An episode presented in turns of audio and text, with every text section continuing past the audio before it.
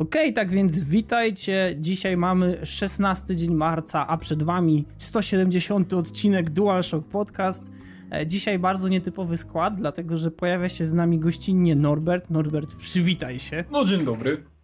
Okej, okay, więc e, standardowo również witałem się z wami Odin, czyli ja oraz... Cialny, czyli ja. Okej, okay. a lista tematów. Nihilumbra. Cialny opowie nam co nieco o tej jakże enigmatycznej grze. Następnie Batman Arkham Knight, czyli moje wkurwienie tym, co z tego wyjdzie. Następnie kącik PSX-a, czyli moje niezapowiedziane cztery tytuły e, z tego, jak kiedyś w dzieciństwie rozwijała się moja pasja grami e, ogólnie rzecz biorąc. Mam nadzieję, że tutaj łezka w oku stanie wielu osobom, którzy pamiętają jeszcze te stare, dawne czasy. Następnie powrót do świata Skyrim po trzech latach, czyli co można jeszcze wycisnąć ze Skyrima i czy w ogóle warto wracać. Później Heroes of the Storm, czyli MOBA od Blizzarda, jakże dziwne zjawisko i jakże ciekawy i zaskakujący tytuł, a na sam koniec World of Tanks, który ląduje na Xboxie 360. Tak więc zapraszamy.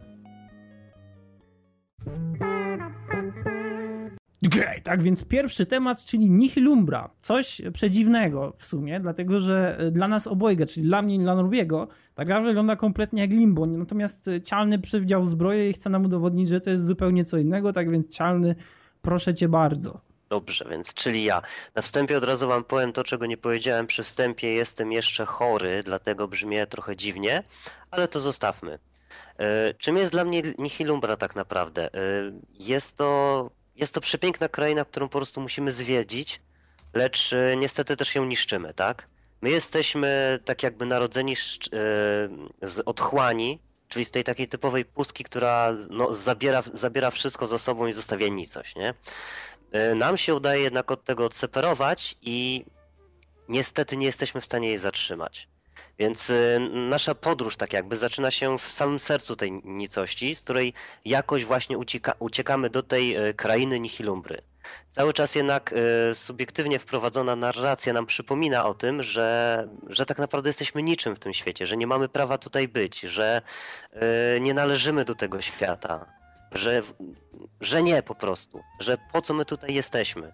I słuchajcie, no taki wstęp jest to, jest to tak naprawdę taka smutna i to taka trochę bardzo depresyjna przygoda poznawania świata, który, który nas nie chce. I tak jak to właśnie na, na samym początku, jeszcze przed podcastem Norbi powiedział, że mu to bardzo przypomina Limbo, no, w pewnym sensie coś z tego jest, bo jest to tak naprawdę platformówka z elementami łamigłówki, ale z bardzo ciekawą mechaniką, której w Limbo nie było. Bo tutaj korzystamy z kolorów, które mają swoje specjalne właściwości. I żeby nie psuć zabawy właśnie innym zainteresowanym y, tym tytułem, powiem tylko, że jednym z kolorów, który poznajemy jest y, niebieski, który de facto służy nam tak do prostego poślizgu, tak? I całość, e, w całości tej gry spotykamy tak jakby wysłanników tej całej otchłani, która e, no, cały czas chce nas dopaść, tak? Oni są jakoś o dziwo strasznie źle na nas nastawieni, ale no, no trudno, prawda? No trzeba przejść, to trzeba przejść. I co jeszcze? Jak myślałem, że już jestem przy samym końcu tego tytułu, gdy już oglądałem ostatnią cutscenkę, dowiedziałem się, że, że to jeszcze nie jest koniec mój, tak? Że jeszcze czeka mnie tak jakby druga część zabawy i osoby, które zaczną grać w Nihilumbrę, tak samo jak ja, bo ja zacząłem w nią grać, przeszedłem jakieś 3-4 poziomy i ją sobie odstawiłem, tak, bo sobie pomyślałem, no fajnie, no gra jest prosta, pokazuje nam y, wszystko tak jakby na dłoni, więc no po co? Wróciłem do niej jakieś, nie wiem, dwa tygodnie temu i nie wiem, może tak starszy doświadczeniem, doszedłem do wniosku, że jednak warto ją skończyć. I właśnie gdy dowiedziałem się, że jest druga część, po, po zakończeniu tak jakby tej tego typowego wejścia, można to podzielić na y, tutorial plus y, wielki cudzysłów Dark Souls, tak? Nie, nie, chcę teraz psuć innym zabawy i powiem wam, że druga, druga część tej gry naprawdę od nas dużo i to bardzo dużo więcej wymaga niż, y, niż sam początek. Sam początek możemy naprawdę widzieć jako typowy tutorial. Dobra, konkrety, jeżeli chodzi o grafikę. Y, mi się to podoba, tak? Dla mnie to jest takie małe cudeńko i nie każdy się pewnie z tym zgodzi, ale mi taka forma jak najbardziej pasuje. Jeżeli chodzi o dźwięk, y, no sound, soundtrack krzyczy po prostu melancholią, tak? Jak najbardziej pasuje do tego świata, który przemierzamy.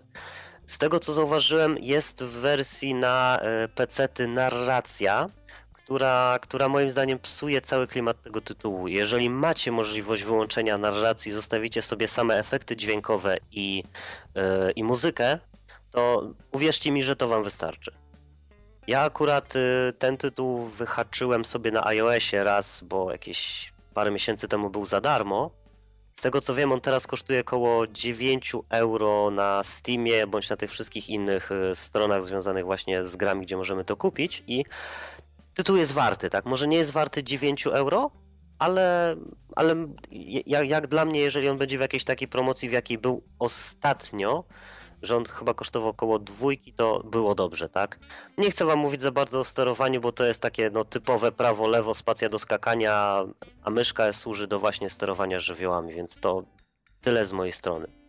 No okej, okay. a teraz pytanie takie bardziej od osoby, która może z E, Nihilumbrą nie miała nic do czynienia, natomiast miała do czynienia na pewno z Limbo i Limbo przeszła i bardzo się to Limbo jej podobało. Konkretnie mówię tutaj o sobie, czy te gry są do siebie podobne, jeśli mógłbyś je ze sobą skonfrontować, dlatego że jeśli spojrzeć na jakiekolwiek screeny jeszcze przed zakupem, mhm. E, to mimo wszystko graficznie i samym designem te gry jednak wykazują pewne podobieństwo. I Limbo akurat e, ma rzesze fanów i też wiele osób e, krytycznie, ale w sensie pozytywnym wypowiadało się na temat tej gry w taki sposób, iż rozwija ona pewne nowe horyzonty na tej całej sieci platformówek, które cały czas tak naprawdę kursują w tych samych alejkach.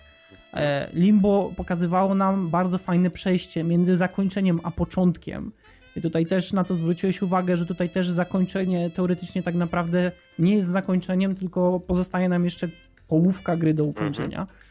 E, więc właśnie chciałem, żebyś to jakoś ze sobą zderzył i powiedział nam, e, która z tych gier mogłaby wykazywać dla kogoś, kto już miał doświadczenie z Limbo jakiś taki większy plus, bo chcąc nie chcąc, to na pewno ktoś e, porówna Nihilumbre z Limbo. No Pewnie tak. Znaczy, ogólnie no, limbo jest dużo bardziej mroczne, tak? W limbo jest dużo więcej takich, powiedzmy, rzeczy, nazwijmy to strasznych, tak? Dużo rzeczy, których e, nie możemy się spodziewać.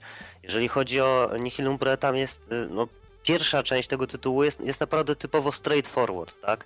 Masz e, podpowiedzi, masz wszystko jakby na dłoni.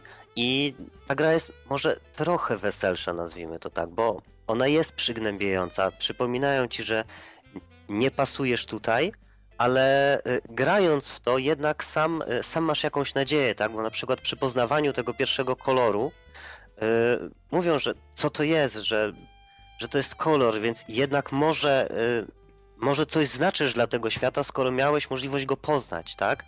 I to, to właśnie brzmi tak śmiesznie trochę, bo mimo tego, że jesteś yy, cały czas y, wmawiają ci, że, że tutaj nie pasujesz, to ty wewnątrz siebie masz taką małą cząstkę nadziei, że, że jednak coś z tego będzie, tak? I tutaj widzę już, że na naszym kanale tutaj Norbi chce się wbić, więc Norbi, słucham ciebie ja. Chciałbym powiedzieć z punktu widzenia osoby, która nie grała w żadną z tych produkcji, ani w Nihilumbre, ani w Limbo. Ja, wie pan, jestem ekspertem. Tak, nie znam się, ale się wypowiem. Bardzo tak. chętnie, jako typowy Patrząc Polak. Na... Patrząc na Limbo i Nihilumbre widać podobieństwo gameplayowe, ale tak jak w Limbo otaczają nas y, kolory czerni, szarości, no i czasem bieli, tak w Nihilumbrze mamy bardzo kolorową grafikę mhm. i interakcje. Cały czas na ekranie pojawiają się różnego rodzaju mm, dialogi, które możemy sobie przeczytać w czasie pokonywania różnych e, etapów. Mhm. E, I tak jak już Cialny wspomniał, limbo, e, to znaczy w limbo wszystko, co nas otacza, próbuje nas zabić lub od nas uciec, a w Nihilumbrze widzimy co? Różne, różnego rodzaju zagadki, mhm. oraz rozgrywkę typowo platformową. Jest więcej na pewno przeciwników, tak przynajmniej e, mi się wydaje, kiedy ja oglądam e, te screeny tutaj, bo też nie zapominajmy, że w Limbo było tak, że bardzo duża część rozgrywki to było przemierzanie tego Limbo właśnie, tego czyśćca, który wyglądał co nieco jak takie mm, zrujnowane kompletnie miasto, gdzie przeskakiwaliśmy na jakichś zepsutych neonach, które zapalały się tylko i wyłącznie na chwilę, gdzie sama muzyka, ten ambient w tle był po prostu genialny e, i doczekał się w ogóle swojego własnego wydania na płycie, jeśli ktoś nie wie. Tak więc Limbo miało naprawdę świetny klimat, dlatego że ani na moment nie starało się go w jakikolwiek sposób przełamać. Natomiast ja ogólnie tak myślę, że Nihilumbra jest w ogóle o wiele lżejszą grą. Tak. Bo to jest tak naprawdę, jeśli by na to nie spojrzeć, to ta gra trochę przypomina też produkcje flashowe. E, Limbo również wywodzi się z, ze świata flashowości, tak? Bo to widać po tej grze. Natomiast samym swoim designem jest pełnoprawną, dojrzałą grą. Natomiast Nihilumbra przypomina mi trochę takie gierki, które możemy znaleźć na Newgrounds na przykład, jeśli ktoś kiedyś słyszał o tym portalu. Tam ludzie wrzucają mnóstwo swoich produkcji, część z nich przebija się właśnie e, na powiedzmy na YouTube, czy, czy w ogóle już do jakiejś tam e, edycji na przykład Greenlight, gdzie możemy zagłosować na tą grę i tak dalej, i tak dalej. E, ogólnie rzecz biorąc myślę, że hmm, może trochę źle zrobiłem, że porównałem te gry między sobą, chociaż to widać, że jest wiele gier w ogóle, które teraz tak jakby czerpiąc na tym, co pokazało Limbo, że da się zrobić grę, która jest ascetyczna niemalże w 100%, bo w Limbo tak naprawdę mieliśmy pająka, mieliśmy model e, podobny do tego chłopca, którym sterujemy, samego chłopca i może jakiś kamień, który się toczył, więc tego tak naprawdę nie było jakoś dużo. Świat był e, wyjątkowo prosto skonstruowany, mimo, miał, mimo wszystko miał ten swój czar. W Nihilumrze nie wiem, czy ona musi tak wyglądać, natomiast wydaje mi się, że trochę takie niedoświadczenie designera, który miesza trochę te kolory, no nie wiem, ja, ja, ja tak myślę osobiście. Wydaje mi się, że jeśli, e, jeśli patrzymy na platformówkę, mhm. Oczywiście tutaj nie osądzam w żaden sposób, czy ona gameplayowo jest fajna, bo nie grałem, natomiast jeśli patrzymy na platformówkę, e, to ogólnie rzecz biorąc, e, ja tutaj przeglądając sobie te screeny widzę, że, że ona jednak te kolory ma przemieszane ze sobą. Mamy bardzo jaskrawe kolory, bardzo żywe, na tle na przykład takich mocno zgniłych już kolorów, które bardziej przypominają taki zielony morski, czy też szarości. Ja myślę, że tak trochę może to nie, nie wypaliło zbyt dobrze z tym porównaniem. Znaczy, to, to jest na pewno dużo lżejszy tytuł, tak? Jeżeli chodzi o screeny, to o czym ty mówisz, że te kolory są bardziej jaskrawe, to pamiętaj, że te kolory, którymi e, tak jakby my sterujemy, one muszą być dużo bardziej widoczne w całym świecie, tak, niż e, te kolory, które są e, no, w świecie. Ogólnie mm, tak jak się patrzysz na Nihilumbrę, tak, tak jak prze, przemierzasz kolejne plansze, to w pewnym sensie nawet chodzi o to, żebyś ty się tym zachwycił, e, jak niektóre rzeczy są ładnie zrobione, bo one są naprawdę ładnie zrobione. To są... Myślisz? Tak. Mi się podoba. Wiesz co, ja, ja, patrzę, ja patrzę na te, na te zdjęcia i ja osobiście myślę, że to jest mieszanka różnego rodzaju tekstur, która nie do końca do siebie pasuje. Wiesz co, jak na y, studio indie, które zrobiło tylko tą grę, to moim zdaniem jest, jest to fajne. Bo to nie jest żadne duże studio, to się Beauty Fun Games to zrobiło, hiszpańskie studio i to jest tylko jeden, jedyny ich tytuł, który, który mają u siebie. Ja ci powiem, no, wiesz, to trzeba zagrać, żeby, żeby to zrozumieć tak naprawdę, nie? Ale jeżeli ktoś ma zamiar na to wydać 9 euro, to powiem szczerze, poczekajcie na jakąś promocję. Powiem ci tak, to jest jak ze stickersem, tak? Póki, póki nie spróbujesz, nie będziesz wiedział, że jest dobry. Kurde, złe porównanie, czekaj, mogłem powiedzieć coś innego. Wyjątkowo. Wyjątkowo kiepskie, ale wiesz co, naprawdę, konfrontując to z Limbo, to... Mm. Moim zdaniem, yy, okej, okay, tak samo jak Limbo jest to platformówka, i tak samo jest trochę depresyjna, ale, ale nie w takim stopniu jak Limbo. I... A ja uważam jednak, że to jest bardzo dobre porównanie. Ponieważ pomimo różnic, że w Nihilumrze mamy kolorową grafikę, która jest bardzo ładna, a w Limbo mamy otaczającą nas ciemność, mrok i śmierć, tak rdzeń samej gry pozostaje ten sam. Czyli platformówka, pokonywanie kolejnych lokacji, rozgryzanie kolejnych zagadek. To są bardzo podobne gry. A... Tak, a poza tym y, w ogóle tutaj dodam, że twórcy Limbo, czy twórca Limbo, nie wiem kto to jest do końca, ale studio Playdead y, zrobiło również tylko i wyłącznie jedną grę, którą jest, uwaga, uwaga, Limbo! A nie wiem, y, jeszcze teraz muszę sprawdzić Deadlight, czyli fantastyczna platformówka. Może samym swoim um, wykonaniem nie do końca, natomiast E, prezentacją poziomów jest naprawdę fantastyczna. Nie wiem, czy ktoś z Was widział, była w konkursie ostatnim, który organizowaliśmy.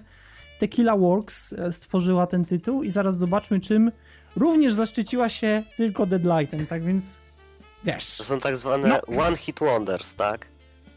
Mają konkurencję. Nihilumbra zdecydowanie ma konkurencję na tym rynku. Ja to wyłapałem na jakiejś takiej specjalnej akcji z iOS-a, że ach, dzisiaj jest za darmo, nie? O ja... I tak sobie myślę, fajna ikonka biorę, nie? Spoko, Ale to było w zeszłym za roku darmo. jakoś, nie? Nie wziąłbym za 9 euro, wziąłem za darmo. No, Czy inaczej, ja myślę, to... jeżeli ona by była w tej cenie razem z soundtrackiem, to jeszcze można by się było zastanowić, bo soundtrack jest fajny, soundtrack można e, dodatkowo dokupić za 4 dolary. Mm. No dobra, ale ja myślę, że już wystarczająco dużo mhm. powiedzieliśmy o Nihilumbrze i każdy, kto chciał wyrobić sobie jakieś zdanie, to już na pewno sobie wyrobił. Tymczasem my możemy przejść dalej, czyli do Batmana, który zaczyna mnie wkurzać. Okay, tak więc drugi temat, czyli Batman Arkham Knight. Dużo o tej grze można powiedzieć. Na pewno można powiedzieć o niej to, iż będzie już ostatnią z Batman Arkham. I to na pewno z jednej strony dobrze, z drugiej strony źle. Źle, no dlatego, że kończy nam się seria naprawdę bardzo dobrych gier, e, które właściwie to nie trylogią, bo przecież mieliśmy Arkham Asylum, Arkham City. Teraz był Arkham Origins, właśnie no Arkham, no to, no to nie, to kwadrologii. No ale nieważne, tak czy inaczej, chociaż nie, bo w sumie mm, Origins chyba jest wpisany tak jakby poza ten cały kanon, no ale nieważne. E, tak czy inaczej, kończy nam się seria kwadrologii, czy też trylogii świetnych gier, e, które zrewolucjonizowały pojęcie free flow dla bardzo wielu e, twórców i dla bardzo wielu graczy, które zaprezentowały, jak można dobrze walczyć, jak można stworzyć silnik walki, który jednocześnie, że prosty, to daje bardzo dużo satysfakcji. E, no i też e, grę, która fabularnie prowadzi się świetnie i można powiedzieć nawet, że dla wielu w pewnych momentach była totalnym zaskoczeniem, a gameplayowo też wprowadzała rozwiązania, które były na ustach bardzo wielu recenzentów i graczy przez bardzo długi czas, jakby chociażby ten słynny level ze Scarecrow w pierwszej części Arkham Asylum. Było straszne. Teraz to, co mnie denerwuje wyjątkowo i to, o czym już pewnie rozmawiałem kiedyś na przestrzeni tych wszystkich podcastów, to jest fakt, iż Arkham Knight e, będzie teraz kolejnym Batmanem, który będzie miał coraz mniej tego trybu detektywistycznego, gdzie będzie coraz mniej zagadek i gdzie tak naprawdę coraz mniej będziemy prawdziwym Batmanem, a coraz bardziej będziemy takim nolanowskim Batmanem, który będzie mówił w ten sposób i który będzie bił ludzi po twarzy E, który będzie oczywiście wmawiał sobie, iż nie zabijam, natomiast będzie uderzał czaszkami osób o ścianę albo na przykład o podłogę, e, wprowadzając prawdopodobnie jakieś trwałe urazy na życiu czy zdrowiu, przepraszam. E, łamał kręgosłupy, wyłamywał ręce, wyrywał barki ze stawów i tak dalej, i tak dalej, ale oczywiście samego detektywizmu będzie tam coraz mniej. I ja naprawdę doceniam fakt, że w Arkham Origins mieliśmy tryb spowalniania czasu, czy cofania czasu i obserwowania wszystkiego przez bat komput coś tam, oglądania sobie pod różnymi kątami, jak na przykład obracał się helikopter i dlaczego, i pod jakim kątem padł strzał, który wprowadził ten helikopter w ten taki dziwny manewr, ale to tak naprawdę było dziecinnie proste. Jeśli ktoś grał w Arkham Origins, to myślę, że powinien się zgodzić, bo nie oszukujmy się, te zagadki tak naprawdę nie były zagadkami. One były pewnym wprowadzeniem takiego hamulca, który pozwalał ludziom zatrzymać się i zwolnić na chwilę tą fabułę, która mogłaby zbyt szybko się rozwinąć, bo też nie oszukujmy się, że Arkham Origins nie było jakoś specjalnie długą grą. Niemniej, ja wiem już teraz, że przeciwnikiem najprawdopodobniej w nowym Batmanie będzie Azrael. Jeśli ktoś nie wie, kim jest Azrael, no to można powiedzieć pokrótce, że po takim bardzo poważnym starciu z Bane'em, kiedy to Bane złamał kręgosłup Batmanowi, Batman pod opieką Lady Shivy wracał do zdrowia przez bardzo długi czas. Wydaje mi się, że to było 6 lub 7 miesięcy, ale nie pamiętam dlatego, że komiksów nie czytałem już bardzo, bardzo dawno temu i na ten czas właśnie w Arkham e, stery za e, samym wizerunkiem Batmana objął wyznaczony przez niego Azrael. Nie będę tutaj zdradzał konkretnie, kim był ten człowiek, e, skąd wywodziło się jego pochodzenie, niemniej dysponował on naprawdę E, fantastycznymi umiejętnościami, które były wpisane tak jakby w jego jestestwo przez pewien program, który przechodził jako dziecko. E, I oczywiście on z tym programem starał się walczyć, dlatego że niestety ten program wpływał na niego w różny dziwny sposób. E, I już widząc, że główny przeciwnik Batmana będzie poruszał się w takim dziwnym kostiumie, który jest trochę zmechanizowany i ma jakieś świecące niebieskie oczka, e, a główny zły podpisuje się wielkim znaczkiem A, no to można już strzelić na ślepo i myślę, że e, dość celnie, że to będzie Azrael, dlatego że oprócz e, Anarchy, czyli tego przeciwnika, którego mogliśmy spotkać w Arkham City bodajże, nie, przepraszam, nie w Arkham City, tylko w Arkham Origins, to nikt inny nie posługiwał się po prostu pojedynczym znakiem A. No, i ja wiem, że to będzie łupańsko, czyste łupańsko, pranie po ryju i coraz mniej jest Batmana, którego ja naprawdę chciałem, a coraz więcej jest Batmana, który wywodzi się czysto z filmów i szczerze powiedziawszy mnie to denerwuje. I nie tylko mnie, dlatego że jest również druga osoba, która słucha tego podcastu i która jest prawdopodobnie tak samo dużym fanem Batmana jak ja i to jest Jaruto, który również e, wyrażał obawy o to, co będzie z nowym Batmanem. I tak, oboje zgadzamy się z tym, że pranie po ryju jest świetną metodą spędzania czasu. Naprawdę. Jest zrealizowane naprawdę bardzo ładnie. Natomiast to nie jest Batman, dlatego że Batman w większości, kiedy wdawał się w jakieś duże pojedynki, to one były rozwiązywane bardzo szybko, a większość czasu chodziło o dedukcję, chodziło o jego możliwość złożenia pewnych informacji do kupy, jakieś retrospekcje, które wyjaśniały jego historię. Więc jest wiele rzeczy, które mnie e, wkurzają i jakiś kanał informacyjny podpowiada mi, że ktoś chciałby się tutaj wciąć, tak więc proszę. Chciałem tylko powiedzieć, że skoro gra idzie w kierunku strzelanki na walanki, to traci dla mnie na znaczeniu, ponieważ w Arkham City spędziłem bardzo dużo czasu na rozwiązywanie zagadek pobocznych, a jeśli nowa część, czyli Arkham Knight, ma się mhm. nastawić typowo na walkę, której jest po prostu i tak mnóstwo. Co chwila hordy przeciwników do pokonania. W ciągu 20 godzin, które poświęciłem na przejście Batmana, yy, praktycznie 75% tego czasu to były same walki.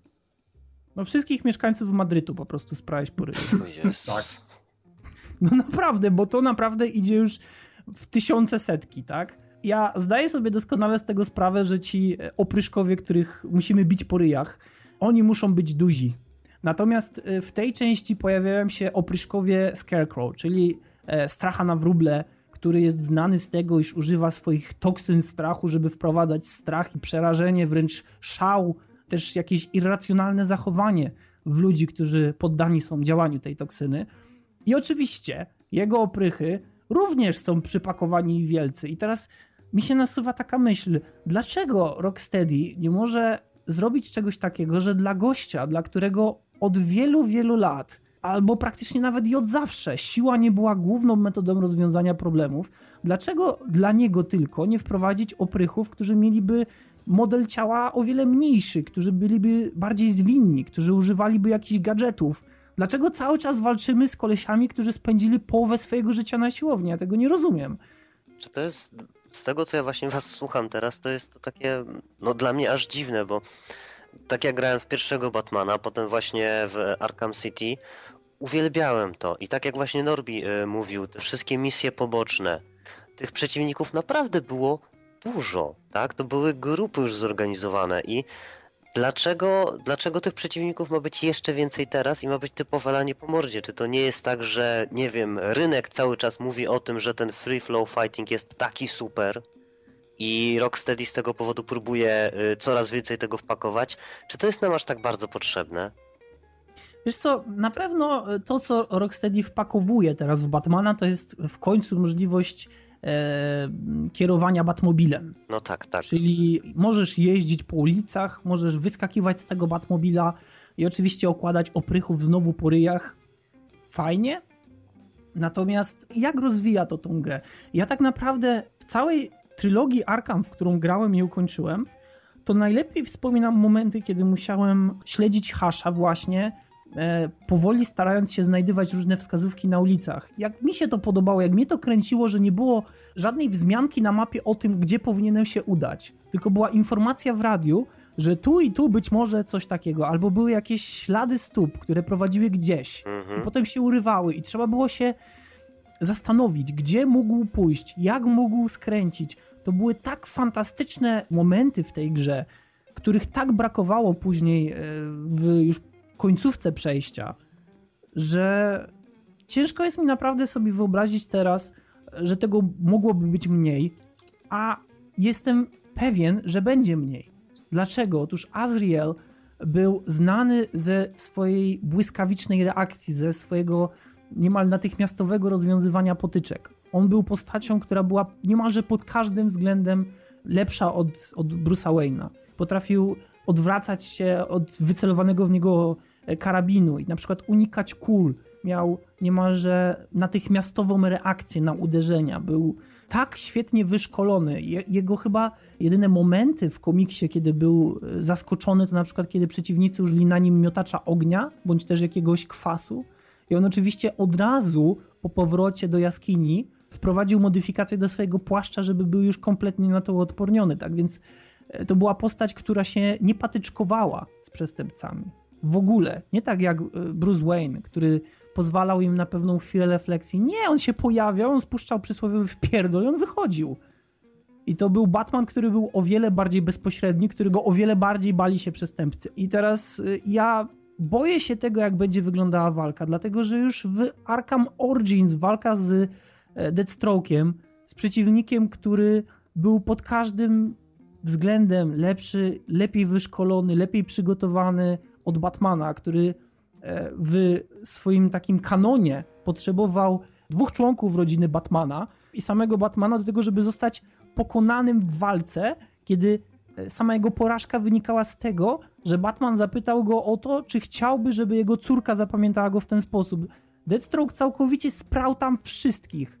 On był postacią, która była fantastycznie wyszkolonym wojakiem i, i, widząc walkę, która wyglądała w ten sposób w Arkham Origins, która była naprawdę słaba, może tylko przy pierwszym kontakcie wykazywała jakieś tam elementy takiego wow, oczarowania, ale później jednak okazywało się, że to są w sumie te same animacje, które się powtarzają i powtarzają.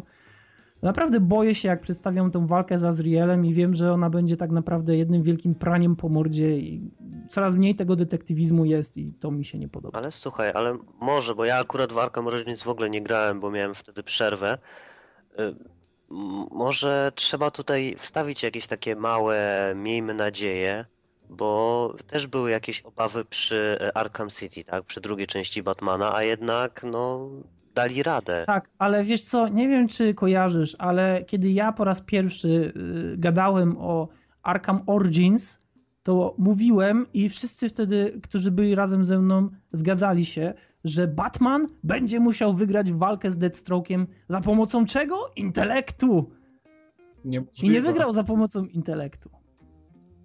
Hmm. No, to nie jest możliwe. Z Deathstroke'em nikt nie mógł się równać na intelekt.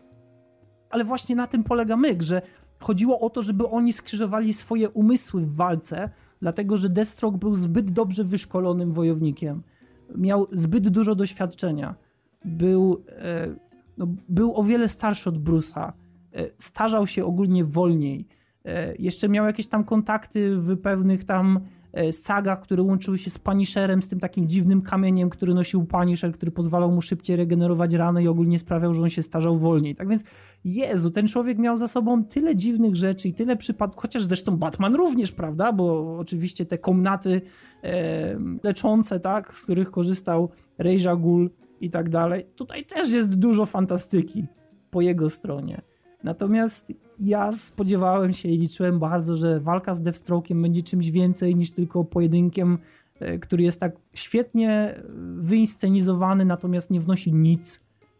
I, i podejrzewam, że walka z Azrielem, czy ogólnie w ogóle część e, Arkham Knight będzie, będzie podobna, jak nie bardziej nastawiona na radosne napieprzanie po mordach. Tak więc to mi się nie podoba. Ja już więcej nic do dodania nie mam. Dziękuję. Co do Deathstroke'a. Można powiedzieć, że to jest yy, postać typowego półboga. Mamy tutaj do czynienia z kimś, kto myśli szybciej niż przeciętny człowiek, potrafi się regenerować, jest mistrzem walki wręcz szermierki i strzelania z broni. Yy, miał swoje pojedynki na przykład z Flashem, w którym padło to sławetne zdanie, w którym to nie tak, że y, Flash jest wolniejszy od niego po prostu, czy też Deathstroke jest szybszy od Flasha. tylko że to Flash myśli wolniej niż Deathstroke. Potrafił przewidzieć jego strategię, potrafił wyliczyć sobie w głowie, jaką strategię przyjmie Flash i co zrobić, żeby go pokonać. Y, myślę, że Azrael y, to będzie postać dużo mniejszego kalibru właśnie niż Deathstroke. Y, a postacie... Boże, nie. Czemu nie? No bo spójrz na to w ten sposób. Było wiele postaci ala Nemesis w życiu Batmana. Był Hush, był Deathstroke, był Azrael, było jeszcze wielu innych, ale każda z nich została potraktowana po macoszemu. Nie oszukujmy się. Wiele e, postaci e, cała... jest potraktowanych po macoszemu. Jasne, ale cała kwintesencja tego, że Batman walczył z Deathstroke'iem, miała polegać na tym, że on będzie musiał zmieniać taktyki. I tak naprawdę sama walka z Deathstroke'iem za pierwszym podejściem trwa, myślę, około 7 minut, może 10. I ta zmiana taktyk jest tak ograniczona, jak na całe te obietnice, które zostały wrzucone w graczy, które Rocksteady rzucało i rozdawało jak ulotki do Big Maca czy, czy czegokolwiek, że ja naprawdę boję się tego, co będzie teraz. I tak, zgadza się, Deathstroke był w stanie wywrócić Flasha, przez co Flash sobie zrobił lekką krzywdę, czy tam lekko był oniemielony, jak to ktoś kiedyś pięknie powiedział. I potem zadał pytanie właśnie Deathstroke'owi, jak to się stało? I teraz wam mogę powiedzieć w ogóle, jak e, rozwiązała się ta walka. W komiksie rozwiązała się ona w ten sposób, iż Batman nie był w stanie w żaden sposób pokonać Azriela. I jedyne co mógł zrobić, to przecisnąć się przez taką wolską szczelinę, gdzie Azrael, żeby przecisnąć się za Batmanem, musiał po prostu zdjąć cały swój pancerz. I wtedy Batman posiadał, nie posiadał przewagi, szanse się odrobinę wyrównały. Dlatego, że Azrael bez pancerza, bez jakichkolwiek rzeczy, które miał w swoim pasku, w oprzyrządowaniu, w pancerzu, był nadal lepszym przeciwnikiem, czy bardziej, bardziej wymagającym przeciwnikiem, e, niż to, co mógł zaprezentować sobą Bruce Wayne. I założę się, że w przypadku tej walki będzie tak, że w końcu tak czy inaczej wypracujemy sobie przewagę i zbijemy go po mordzie. Dziękuję, dobranoc.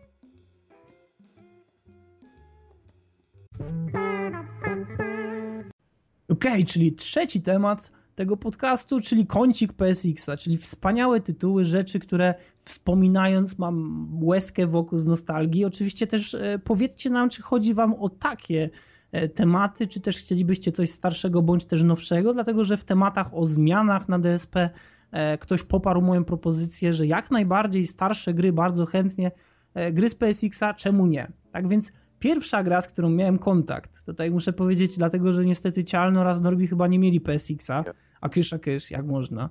Tak czy inaczej, e, kiedy kupowało się PSX-a, jeszcze za dawnych, dawnych lat, to taką wielką kartą przetargową dla każdego, kto bał się cen gier w tamtych czasach, a były one dość wysokie, dlatego że większość gier kosztowała około 229 zł na polskim rynku i to też nie było tak, że można było wejść sobie do sklepu i powiedzieć, proszę pana, interesuje mnie taka gra najczęściej spotykało się z informacją, no ale my jej nie mamy, mamy natomiast te trzy, które cieszą się bardzo dużą popularnością, bo są tylko te trzy. E, tak czy inaczej do PSX-a dodawany był demo disk. Demo disk, czyli taka prezentacja tego, co można znaleźć na tej konsoli, bardzo często też e, za pomocą tej gazetki, która również była dołączona i za pomocą demo disków ludzie w tamtych czasach dowiadywali się o tym, czym mogliby się zainteresować.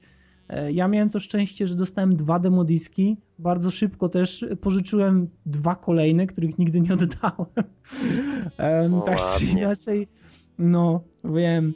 Tak czy inaczej, oprócz takich e, standardowych tytułów jak Metal Gear Solid, który tam wylądował, gdzie Snake jeszcze miał tą taką dziwną animację wykopu z półobrotu, która potem została usunięta, pojawiły się takie no, właściwie pojawiła się ta jedna gra, o której teraz będę mówił, natomiast pojawiło się ich znacznie więcej. Natomiast ta, która mnie najbardziej zainteresowała i chyba która wciągnęła mnie na długie godziny, oprócz pozostałych, które również były zacne, było Cool Borders. I wybrałem go głównie z tego powodu, że większość z Was, czy też słuchaczy, czy też tutaj zaszczytnie zasiadającej rady podcastujących zapewne nic nie wie. Otóż Cool Borders, czyli gra e, symulator jazdy na desce, gdzie zjeżdżając na stoku cały czas w dół mogliśmy nabijać sobie punkty za pomocą wykonywania pewnych ewolucji. I teraz cała zabawa polegała na tym, że dla mnie to było pierwsze w życiu doświadczenie, po pierwsze z tak dobrze wyglądającą grą 3D, a po drugie z tak płynnie działającą grą 3D, która miała takie fajne triki, które można było wykonywać. I teraz z perspektywy czasu to wydaje się śmieszne, no bo na miłość boską przecież każdy grał w jakiegoś symulatora e, i przecież niemal zawsze możemy się spodziewać dobrej grafiki, niemal zawsze możemy spodziewać się płynnych animacji. Co prawda, co innego mogą powiedzieć fani na przykład Farming Simulator, gdzie nie ma płynnych animacji, ale, ale e, w czasach PSX-a to była dość e, naprawdę istotna cecha, że postacie ruszały się w miarę płynnie.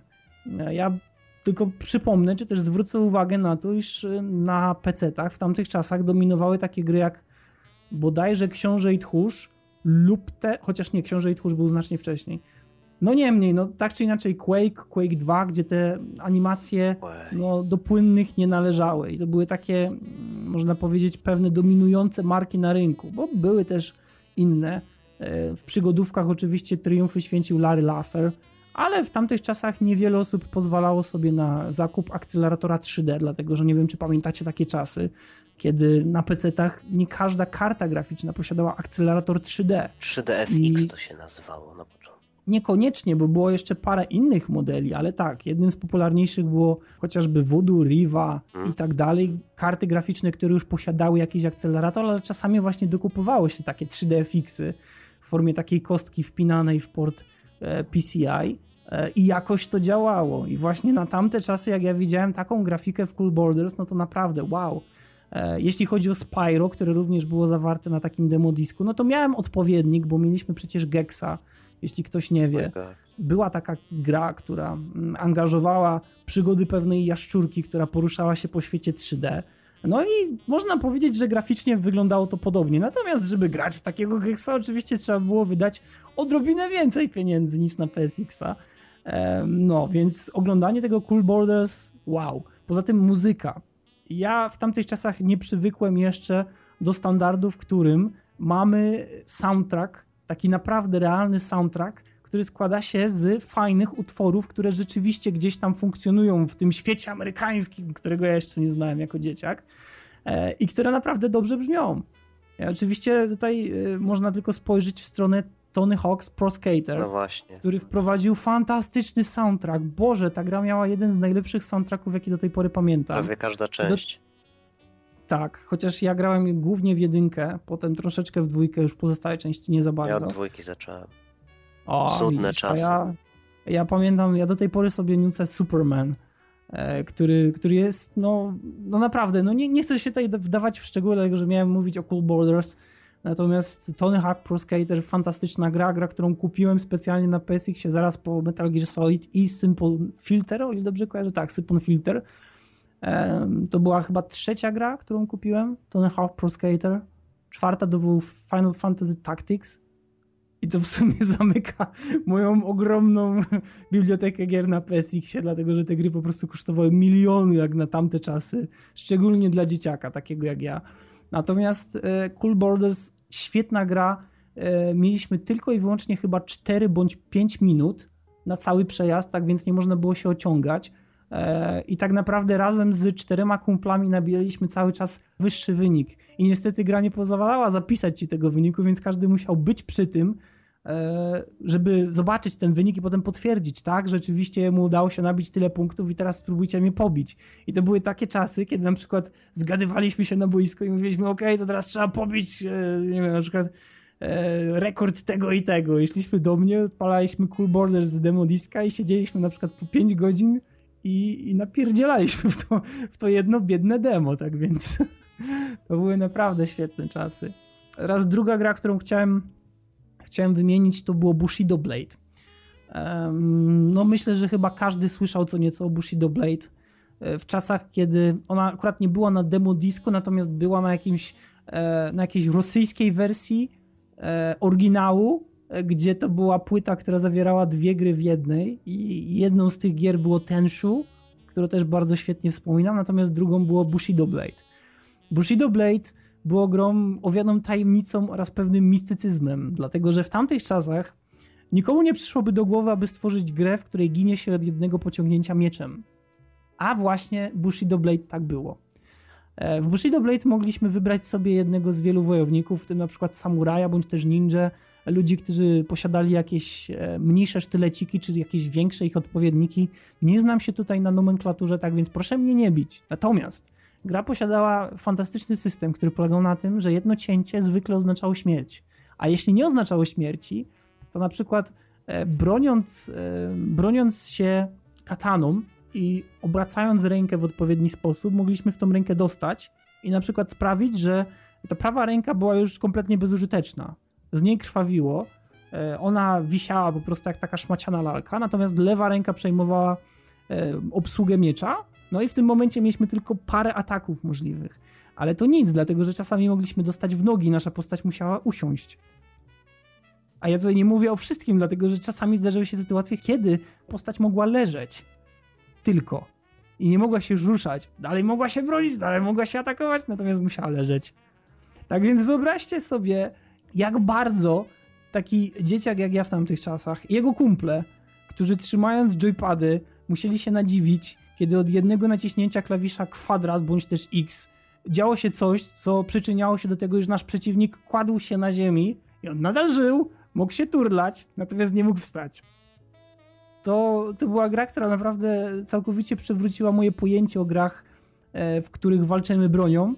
I o dziwo, do tej pory jest bardzo niewiele odpowiedników takich gier, które w ogóle utylizują tą mechanikę. Teraz tak naprawdę za pomocą broni to zbijamy pasek życia, tak? Nie oszukujmy się. Niestety. I nawet takie na przykład Star Wars Force Unleashed, gdzie mamy lightsaber na miłość boską, gdzie mamy e, miecz, który w trzech czwartych jest plazmą, a tylko w jednej czwartej z małym uchwytem, to nawet tam, uderzając przeciwników, zbijamy ich życie. Natomiast w Bushido Blade nie. W Bushido Blade e, o wiele bardziej człowiek zwraca uwagę na magiczny klawisz bloku.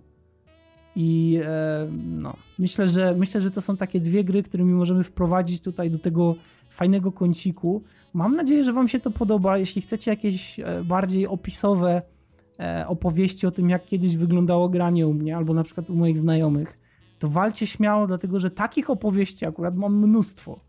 Mamy mnóstwo opowieści z tego, jak graliśmy w Silent Hill, mam mnóstwo opowieści z tego, jak graliśmy w Metal Gear, szczególnie pierwszego, chociaż drugiego również. E, wiele przygodówek, platformówek, takich jak na przykład Crash Bandicoot, co naprawdę e, przyczyniało się do stworzenia niecodziennych taktyk, na przykład wycisz, wycisz, muzyka nie będzie mnie rozpraszać, czy coś takiego. Tak więc naprawdę, jeśli chcecie posłuchać, to walcie śmiało, bo ja myślę, że kilka odcinków pod rząd mógłbym spokojnie zapełnić takimi opowieściami. E, no i mam nadzieję, że wszyscy mają jakieś fajne wspomnienia, czy to z konsolą PSX, czy z jakąkolwiek inną, bo naprawdę takie pierwsze doświadczenia z elektroniką na poważnie, szczególnie taką rozrywkową, multimedialną, gdzie człowiek dowiadywał się przez przypadek, że na przykład z gry Tekken 3 można za pomocą wejścia do menu odtwarzać sobie soundtrack, to było wow! Tak więc tyle ode mnie i myślę, że możemy przejść dalej.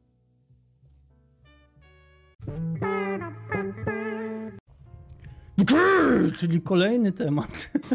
Teraz pewnie ktokolwiek nas słuchał, to od razu wyłączył to nagranie. Skąd Trudno.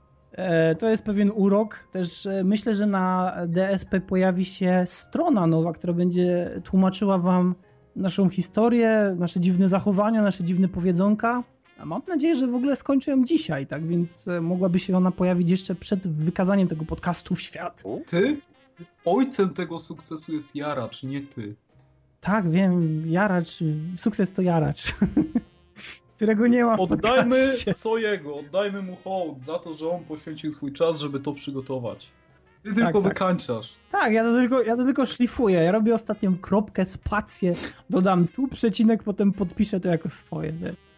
Tak to działa, tak to działa. A właśnie, mam jeszcze pomysł. Skyrim, cicho, bo Skyrim. Skyrim po trzech latach, czyli jak wygląda powrót do Skyrima po trzech latach. Co można powiedzieć o Skyrimie? No, Zdecydowanie można powiedzieć, że Skyrim sam w sobie jest grą, która na samym początku przykuła mnie na wiele godzin, a potem mnie odrzuciła mocno od siebie i stwierdziłem, że w Skyrimie nie ma nic, czego nie byłoby w poprzednich częściach.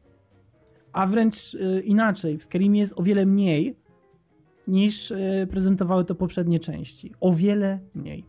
bodaj, że w Morrowindzie było 16 drzewek rozwoju pewnych umiejętności, natomiast w Skyrimie mamy bodaj, że 11.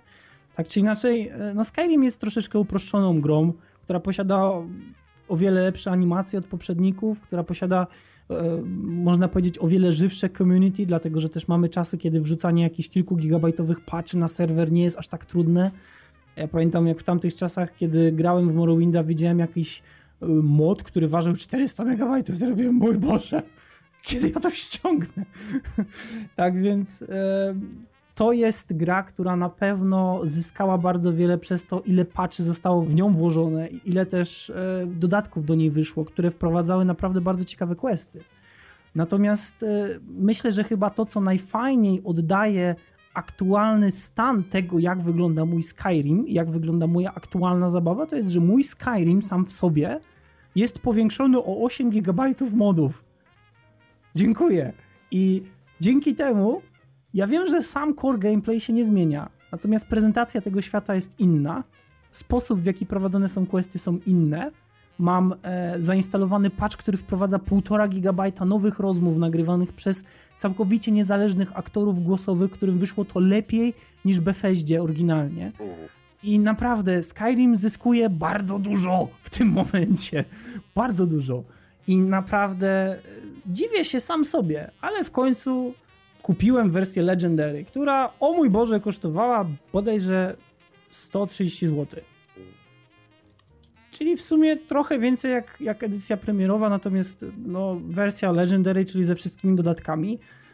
Dziwię się sam sobie naprawdę i myślałem, że nigdy nie dojdzie do tego momentu, w którym, w którym kiedykolwiek skuszę się na Skyrima w takiej formie, w jakiej on jest. Natomiast widząc to, co się.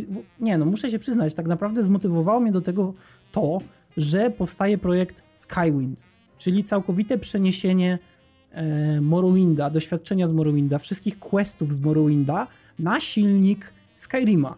I to była główna motywacja, która stała za tym, abym w ogóle go kupił. W takiej wersji, która dawałaby mi jak najwięcej, bo nie wiem szczerze powiedziawszy, czy nie będzie nagle tak, że będę potrzebował dodatków do Skyrima i czy ten mod Skywind nie będzie ich wymagał. Tak więc lepiej trzeba było już dmuchać na zimne, co też poczyniłem. E, I jak na razie ten e, mod rozwija się bardzo powoli, natomiast prace nad nim, mimo że ciągnięte powoli, to przynoszą naprawdę faktyczne efekty, bo widziałem już e, wiele filmów z tego Skywinda i widziałem już wiele przykładów tego, jak wygląda narracja głosowa. I naprawdę jest na takim samym bądź też lepszym poziomie niż w oryginalnej grze.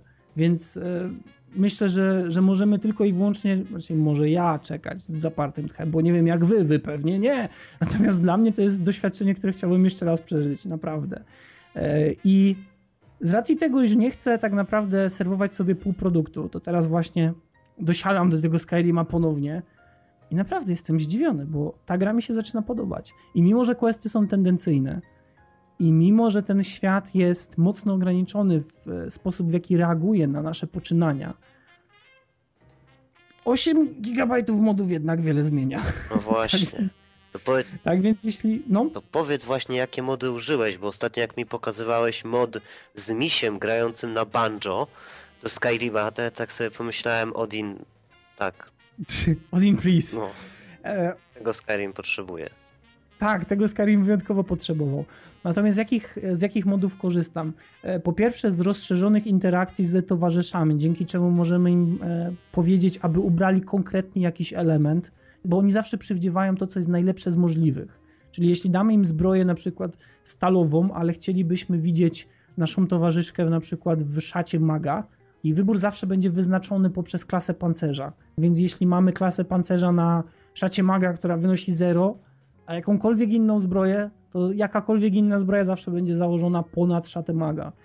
Niestety. To znaczy, to nie zawsze funkcjonuje tak samo, dlatego że dla niektórych postaci, na przykład takich, które pałają się magią, to one zawsze będą jednak szły w light armor, czyli w lekką zbroję i zawsze założą coś, co będzie jakby wspierać ich statystyki magiczne.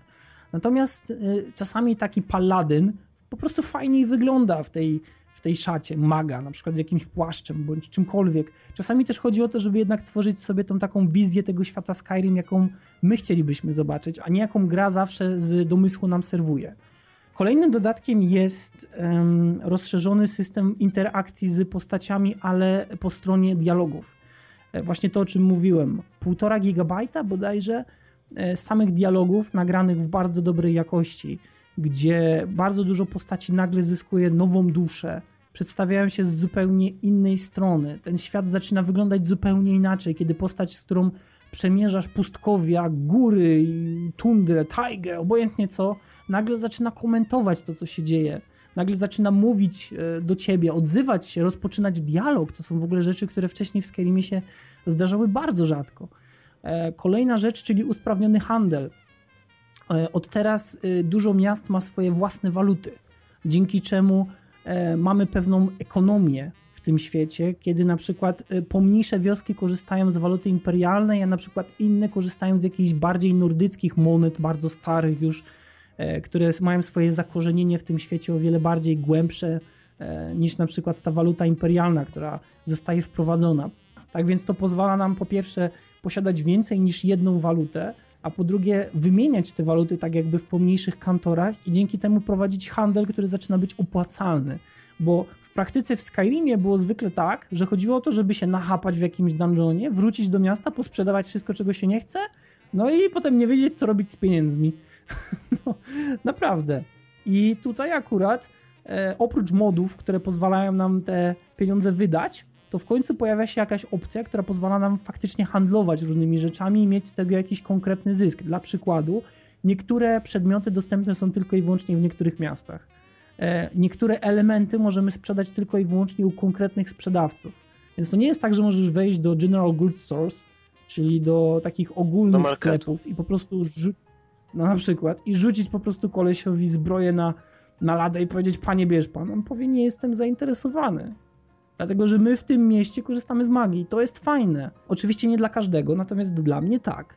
Kolejna rzecz, czyli wprowadzenie większej ilości NPC-ów w świecie Skyrima. Czyli o wiele częściej zdarzy nam się trafić na jakąś karawanę, o wiele częściej zdarzy nam się być zaatakowanym przez e, jakichś złodziejaszków i tak dalej, i tak dalej. Tego jest naprawdę dużo i fajnie naprawdę ogląda się pojedynek 10 żołnierzy imperialnych z na przykład z 12 Stormcloakami, czyli z takim ruchem wyzwoleńczym w świecie Skyrim. To są po prostu momenty, kiedy człowiek zaczyna chłonąć ten klimat, bo normalnie tego w Skyrimie nie ma. E, kolejne mody na przykład wprowadzają trochę większe zróżnicowanie, jeśli chodzi o e, istoty, które spotykamy w tym świecie. Zmieniają ich nastawienie, na przykład niedźwiedź nie atakuje cię jak debil, tylko zwykle ucieka. Albo gra na mandolinie. E, albo gra na mandolinie, w zależności od tego, jaki to niedźwiedź. E, oczywiście mody, które zmieniają grafikę, tak? bo Skyrim naprawdę tego potrzebuje. E, szczególnie teraz, kiedy odpalamy go na PC, e, na wersji Xboxowej. Ja wiem, że był jakiś chyba patch HD, natomiast wersja PC-towa w końcu się do, doczekała jakiegoś patcha HD, który waży chyba 3,5 GB, e, który nie zmienia aż tak wiele, jeśli chodzi o samą grafikę. Zmienia wszystkie tekstury, natomiast one nie są aż tak wysokiej rozdzielczości, jakby się chciało. Natomiast mody zmieniające na przykład rozłożenie ziół, e, zmieniające jakość tych tekstur na tych ziołach, e, dzięki temu naprawdę człowiek zaczyna trochę lepiej patrzeć na ten całokształt Skyrimu. Nie ma takiego na przykład kwiatka, który jest po prostu brzydką teksturą i on se tak dynda. Teraz mamy ładny model 3D. On nie jest piękny, on jest ładny, on jest w porządku.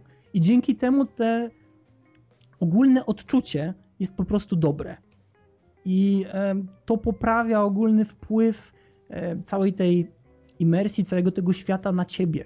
Jest ci się o wiele łatwiej wczuć w to wszystko. Dodatkowo oczywiście jeszcze mamy e, Climates of Time Real, o ile dobrze kojarzę tutaj nazwę, która e, wprowadza nowy model pogodowy dla tego świata.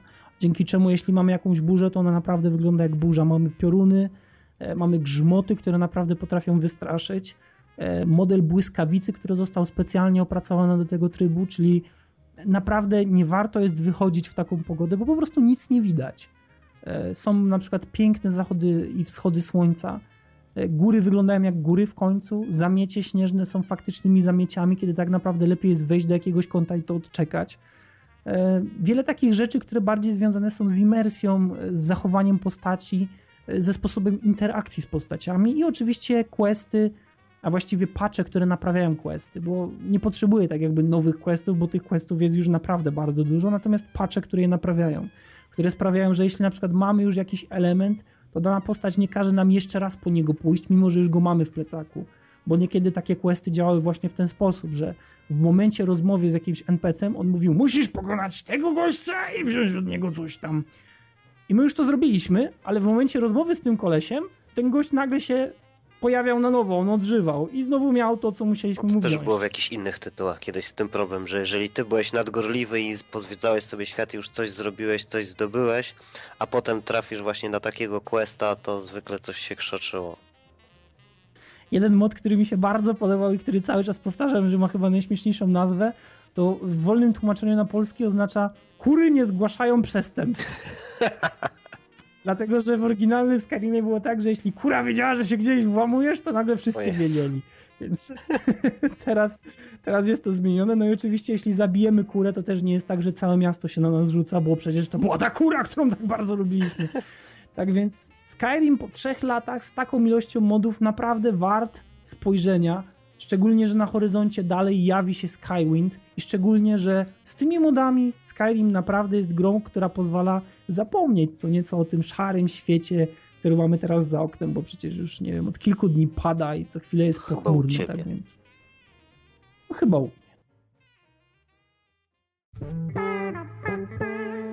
Okej, i kolejny temat, tym razem Heroes of the Storm, czyli bardzo zaskakujący i nietypowy tytuł jak na ramy DualShock Podcast, czyli gra typu MOBA. Gatunek, który w naszym podcaście pojawia się wyjątkowo rzadko, ale okazuje się, że znana wszystkim, mam nadzieję, firma Blizzard wydaje swój własny tytuł typu MOBA, czyli coś na wzór League of Legends lub też Doty, jeśli ktoś nie ma najmniejszego pojęcia o czym teraz mówimy.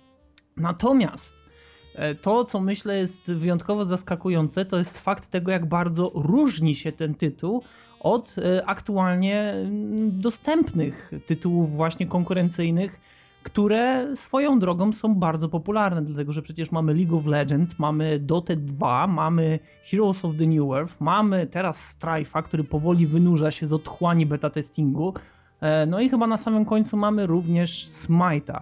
Oczywiście pewnie istnieje więcej tego typu tytułów, natomiast ja skupiam się tutaj tylko na tych, o których sam cokolwiek wiem. Niemniej, e, można stwierdzić, że istnieje pewna moda. Pewna moda, dlatego że większość wydawców, producentów, deweloperów chciałoby mieć na półce ze swoimi grami jeden tego typu tytuł, e, bo te tytuły są cholernie popularne, nie oszukujmy się. Przecież e, jeszcze nie tak dawno, bo em, w piątek, sobotę i w niedzielę Inter Extreme Masters e, organizowane były turnieje w Counter-Strike'a, w Loga i tak dalej. I z tego co słyszałem, e, jedną z głównych nagród było półtora miliona złotych. Tak więc, mój Boże, e, to naprawdę świadczy o tym, jak popularne są tego typu gry. I oczywiście tutaj może te półtora miliona złotych rozbija się na kilka drużyn, bądź też na przykład chodzi tutaj o jedną konkretną grę. Niemniej nie zmienia to faktu, że ten rynek prężnie się rozwija i, i tak naprawdę dziwnie jest, jeśli jakiś duży producent nie ma na nim swojego czarnego konia, bo przecież mamy Valve, które wydaje Dotę, mamy no, League of Legends, nie wiem, Riot się chyba ta firma nazywa, pardon, i mamy teraz Blizzarda. Blizzarda, który ma zamiar konkurować z tymi wszystkimi grami, ale robi to w sposób wyjątkowo zadziwiający. I ja wiem, że Cialny najprawdopodobniej nic na ten temat e, powiedzieć Dla nie, bo to- Dla mnie to te tytuły tak, nie wiem, jakoś, jak, jakoś, jakoś tak nie bardzo, ale, ale z przyjemnością posłucham. ale mamy tutaj jednego doświadczonego gracza, e, czytaj Norbi, który przegrał całe życie. A Tak. dokładnie Norbi, ile, ile przegrałeś w League of Legends? Gdyby policzyć wszystkie moje mecze, jakie. Bo mam jeszcze drugie konto, które także e, tak jakby wyekspiłem na poziom 30, bo expi się nie tylko postaci, ale konta, to wyszłoby to około 80 dni ciągłej gry. Wspaniale. Tak, wspaniale osiągnięcie życia. W CV To jest mniej więcej jedna czwarta jednego roku, więc ja myślę, że jeśli. No dobrze, Tak, tak, co można więcej to jest, to jest bardzo to jest za- zacny tytuł. Myślę, że trzeba jednak się starać, żeby e, osiągnąć taki poziom e, w no life'ieniu. Przepraszam. Ale Ja wiem, bo już wcześniej próbowaliśmy nagrać ten materiał, nie będziemy was oszukiwać, że nagrywamy go po raz drugi, konkretnie właśnie ten tutaj, dlatego że Norbert przeszedł pewne takie mm, déjà vu, e, a konkretnie w momencie, w którym zaczął oglądać trochę dokładniej wszystkie te screeny i filmy z Heroes of the Storm, to nagle z tej postawy takiej, że jestem niezadowolony ich działaniem, okazało się, że cholera ta gra ma szansę być całkiem ciekawa. I fakt faktem, rzeczywiście wydaje się być bardzo ciekawe. I dla ludzi, którzy nie wiedzą, o czym w tym momencie mówimy, ogólną ideą MOB, czy MOBA, gier typu MOBA, jest e, tak naprawdę zdominowanie drużyny przeciwnika e, na mapie, która zazwyczaj posiada tak jakby trzy główne uliczki. Trzy główne uliczki, które rozchodzą się w każdym, powiedzmy, takim standardowym kierunku e, powiedzmy do środka, do góry i na dół, a następnie spotykają się z dokładnie takim samym lustrzanym odbiciem tego, e, jak ma drużyna przeciwna. No i dzięki właśnie takiemu rozwiązaniu można powiedzieć, że najczęściej mamy bardzo wyrównane pojedynki, bo mapa nie faworyzuje nikogo. Natomiast e, fakt faktem, należy jednak dużo czasu włożyć w takie gry, żeby wypracować sobie odpowiednie umiejętności, dlatego że każdy z Y, bohaterów czy postaci, którymi możemy grać, posiada inne umiejętności. Zwykle te umiejętności mogą się dobrze zgrywać z innymi postaciami i tak naprawdę okazuje się, że gra zaczyna być wyjątkowo skomplikowana, taktyczna, no i wymaga dobrej komunikacji. I teraz, z racji tego, że na rynku mamy już bardzo wiele tego typu gier, ciężko jest wymyślić coś nowego i wiele gier stara się wymyślać coś nowego, Natomiast myślę, że Heroes of the Storm robi chyba rzeczy, które do tej pory nawet fizjonomom się nie śniły. A konkretnie o co tutaj chodzi? Otóż e, po pierwsze w grze nie będzie jakiegokolwiek ekwipunku. Do tej pory niemalże w każdej tego typu grze mogliśmy kupować sobie ekwipunek, czyli wracając do swojej głównej bazy, czy to po śmierci, czy po prostu teleportując się z powrotem do e, bezpiecznego miejsca, mogliśmy po prostu otworzyć sobie sklepik i zakupić sobie na przykład buty, żeby szybciej biegać, albo E, no nie wiem, jakiś miecz, którego tak naprawdę nasza postać nie dzierżyła w ręce, ale to był taki ekwiwalent tego, aby statystyka odpowiedzialna za atak wzrosła. E, I to było w miarę logiczne. Niektóre gry posuwały to naprawdę do skrajnych urozmaiceń, tak jak to robił League of Legends, gdzie ilość przedmiotów, które można było kupić, była naprawdę bardzo duża. Niektóre gry posuwały to w zupełnie inną stronę, gdzie tak naprawdę E, modyfikacje czy wspólne oddziaływania na siebie ekwipunków miały bardzo duże znaczenie, tak jak to robi Dota. E, natomiast e, Strife, Boże, Strife, przepraszam, natomiast Heroes of the Storm czegoś takiego nie ma. Nie ma sklepu, ekwipunek nie istnieje, natomiast postać posiada swoje umiejętności i te umiejętności będziemy omawiać trochę e, dokładniej za chwilę, jak tylko oddam tutaj Majka Norbertowi. Natomiast rzeczy, które jeszcze e, wprowadza Heroes of the Storm, e, których wcześniej próżno było szukać e, na rynku tego typu gier, jest na przykład Objective Based Game. Innymi słowy, do tej pory zwykle wygląda to w ten sposób, że mamy te trzy uliczki oraz mamy tak zwaną dżunglę, czyli to, co znajduje się między tymi uliczkami. I teraz e, w tej dżungli można sobie oczywiście radośnie biegać e, i zwykle robią to takie postacie, które potrzebują bardzo dużo doświadczenia, e, złota i tak dalej, żeby odpowiednio się wyposażyć. Natomiast inne postacie, które znane są z tego, iż lepiej sprawdzają się w tych właśnie uliczkach, razem z mobkami, które wychodzą co pewien interwał czasu z twojej bazy, czy naszej bazy ogólnie, w stronę bazy przeciwnika, starają się przedrzeć przez wieżę przeciwnika, no i oczywiście, tak mówiąc kolokwialnie i w cudzysłowie, spuszować, czyli przepchnąć granicę, em, która rozdziela naszą część mapy od części mapy przeciwnika. Innymi słowy, wypracować pewną przewagę. I oczywiście to można też e, w pewien sposób stymulować, dzięki temu, że na mapie znajdują się jakieś specjalne specjalni przeciwnicy, których możemy pokonać, na przykład dostać ogromny zastrzyk złota, etc. Tutaj jest zupełnie inaczej. Otóż na mapie znajdują się zazwyczaj, zazwyczaj znajduje się jeden typ e, takiego jakby questa, który musimy wykonać. I dla przykładu na jednej mapie, którą widziałem oglądając stream, był to bardzo duży i mroczny kruk, któremu przynosząc różne takie smakołyki, jeśli uzbieraliśmy tych smakołyków wystarczająco dużo, oczywiście obie drużyny mogły dostarczać w tym samym czasie to wszystko, tak więc trzeba było też walczyć o możliwość w ogóle przepchnięcia czy, czy dostania się do tego kruka, to dając mu odpowiednią ilość tych przysmaków, ten kruk nagle robił coś takiego, że przeklinał drużynę przeciwną, tą, która nie dała mu wystarczająco dużo przysmaków. No i na przykład wszystkie mopki, które wychodziły z naszej bazy, czy z bazy przeciwnika w tym momencie miały tylko jeden HP, czyli jeden punkt życia.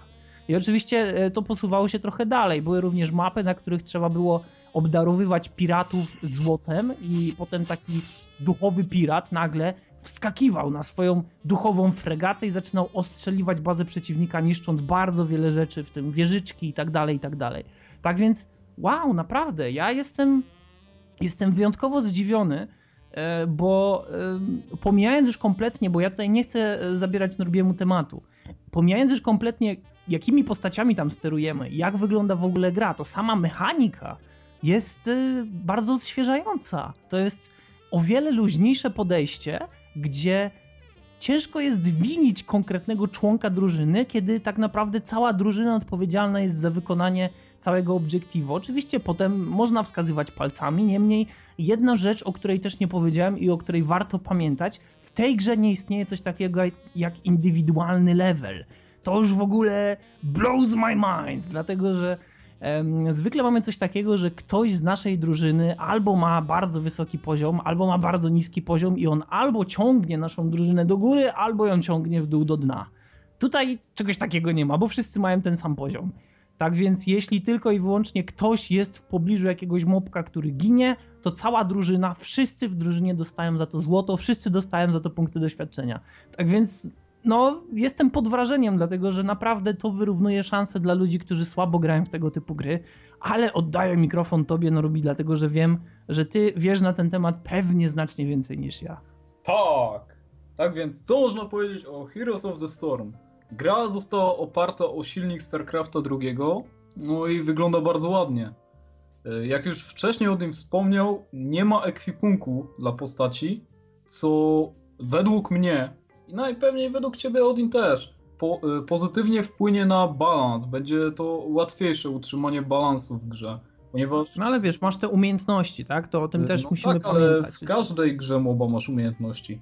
Tak, tak, tylko że tutaj ogólnie po pierwsze zaczynamy z wszystkimi swoimi umiejętnościami poza swoją ostatnią umiejętnością, czyli tą najsilniejszą, ale druga sprawa, w menu gry, nie w samej grze, tylko w menu gry kupujemy czy wybieramy sobie tak jakby umiejętności postaci, czyli na przykład e, za każdym razem, kiedy zabijemy tyle i tyle mobków, widziałem taką jedną umiejętność, to yy, takie super mobki, które możemy wynająć za odpowiedni ekwiwalent pieniężny, nagle przechodzą od razu na naszą stronę.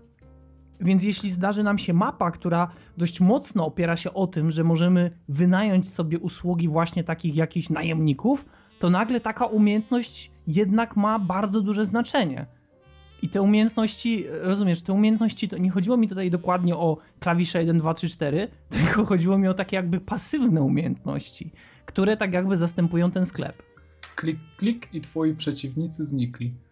Dokładnie. E, co prawda, to nie jest nowa rzecz, o której teraz wspomniałeś, ponieważ League of Legends miał także swój odpowiednik czegoś takiego, nazywało się to e, talentami. Było ich 30 i miałeś trzy drzewka. Mogłeś rozłożyć je mniej więcej yy, jedno całe drzewko i kawałek kolejnego. Powstawało naprawdę dziesiątki różnych wersji ułożeń pod daną grę. Zależy, czy chciałeś być yy, junglerem, czy chciałeś grać na środkowej linii, yy, bo League of Legends utarło się tak, że pewne rodzaje postaci były wysyłane na daną linię. Tutaj tak. w Heroes of the Storm mamy inaczej. Tutaj drużyna gra ogólnie całą piątką w jednym miejscu. Lub ewentualnie rozdziela siły tak 3 do 2, jeżeli trzeba właśnie zrobić jakieś obiektywa na mapie. Tak więc nowe, ciekawe podejście do gry MOBA. Y. No ale też, też pamiętajmy, że tutaj tak naprawdę sama przewaga na mapie ona jest na nas zsyłana głównie dzięki temu, że, że wykonujemy te, te zadania. Mm. Tak więc to nie jest coś na zasadzie, że ja zabiję pana tyle i tyle razy i pan popamięta, tylko to jest chłopaki, musimy nakarmić kruka kawałkami mięska i on wtedy przeklnie drużynę przeciwnika i na tym zyskamy o wiele bardziej niż gdybyśmy zabili przeciwnika 20 razy chociażby. To jest, wiesz, to, to jest naprawdę dla mnie to jest zupełnie nowe spojrzenie na to, co do tej pory, co do tej pory było podstawą rozgrywki niemal każdego, e, każdego moba, każdej gry tego typu.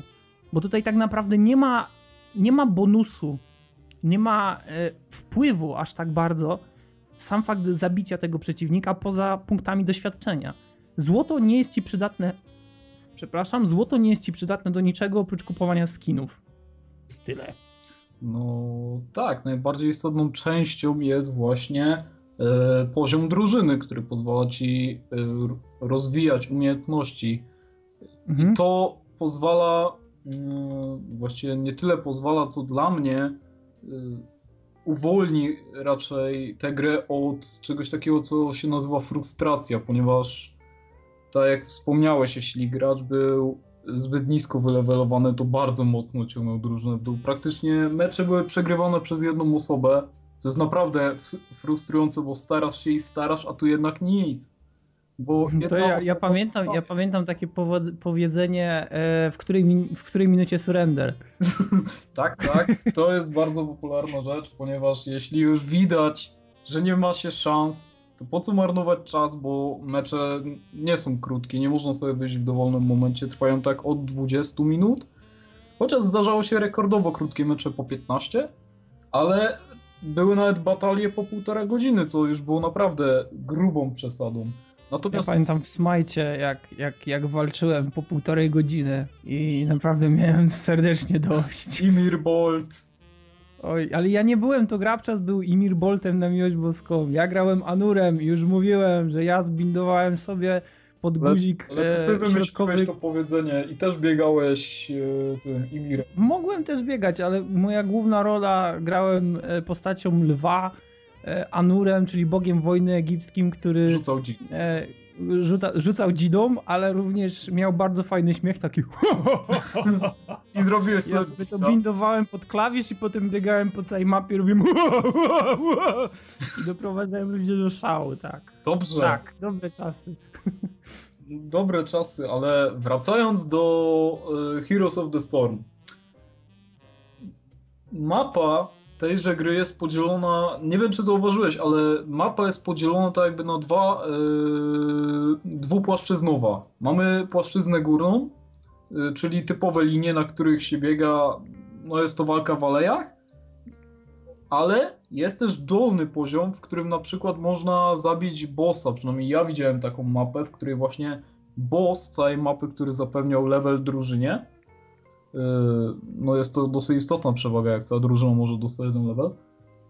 Można było przejść na tę lokację yy, poniższą, ubić bossa i uciec stamtąd, zanim drużyna przeciwnika yy, zdążyła przyjść i nam go dobić, albo ewentualnie jeszcze dobić nas.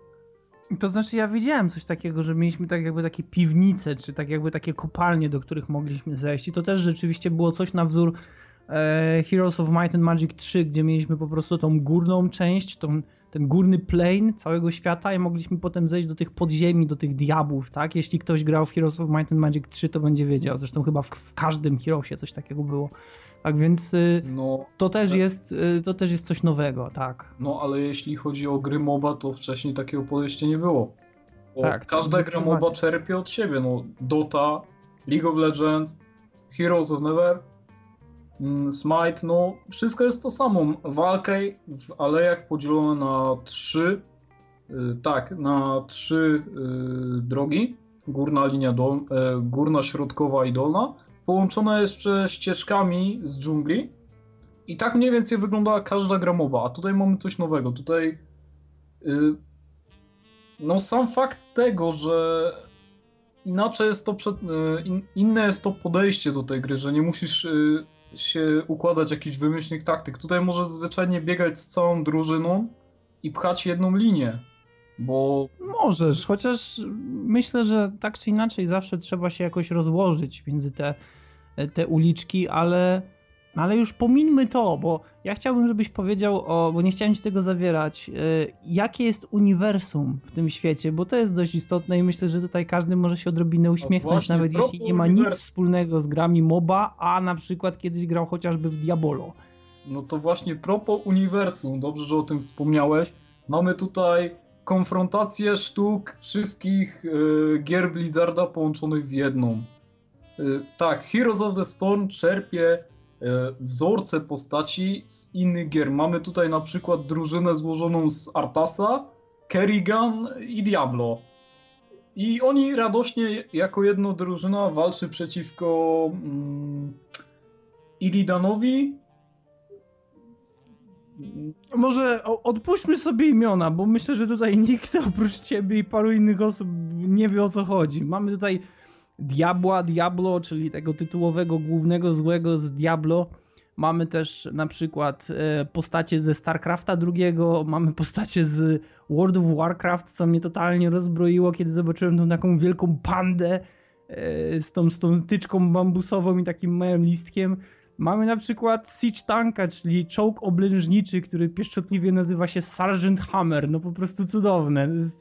Ja wiem, że to może nie jest dużo, tak, ale sam fakt tego, że oni mają y, na tyle dużo odwagi, żeby skrzyżować uniwersa, które w ogóle nie mają ze sobą nic wspólnego i wręcz wyjątkowo, wyjątkowo sobie przeszkadzają, tak? No bo jak można, e, jak można skrzyżować e, dla przykładu, nie wiem, jakąś rasę protosów ze StarCrafta II, która jest w pewnym rozumieniu tak jakby półboska, dlatego że korzysta z, jakichś tam su- z super sił, tak, albo na przykład no, skrzyżować z nieumarłymi, albo na przykład z Lordem Zła i zniszczenia głównym złym, niemalże takim szatanem Przecież Diablo, który się musi się odrodzić. E, Tak, ale to jest właśnie, to, to jest mimo wszystko fajne, bo normalnie rzecz biorąc nie zrobiłbyś czegoś takiego i nie pomyślałbyś o czymś takim, a tutaj dostajesz to już w gotowej formie, gdzie to jest jeszcze ze sobą w miarę dopasowane. To co mówiliśmy e, w poprzednim temacie, kiedy rozmawialiśmy o Nihilumbrze z Cialnym. Tutaj e, kolory, paleta kolorów jest dopasowana na tyle dobrze, że postacie, które wywodzą się z kompletnie innych światów, dobrze ze sobą się komponują. Innymi słowy, Diablo nie wygląda jak rozpalony ognik e, w porównaniu na przykład z Protosem, który wygląda jak szary ufoludek. To jest o wiele lepiej skomponowane i dzięki temu na te rzeczy się po prostu dobrze patrzy, bo tutaj jednak Blizzard ma doświadczenie w robieniu świetnych grafik. E, No i nie wiem, ja myślę, Norbi, bo to trzeba powiedzieć, ty na samym początku mówiłeś, że ból dupy, że w ogóle No właśnie, że chciałem na początku się czepiać, żeby nadal A, był rozumiem. ten ekwipunek, żeby nadal był ten level postaci, żeby mógł się denerwować. Mhm. Czyli rozumiesz, masochizm. Ale po dłuższym namyśle tak stwierdziłem, że te rozwiązania mogą być naprawdę dobre, bo unikasz frustracji, jest to fajna gra, żeby pograć ze znajomymi. Odin na pewno spróbujesz zagrać ze mną. No, nie wiem, zobaczę. Muszę cię.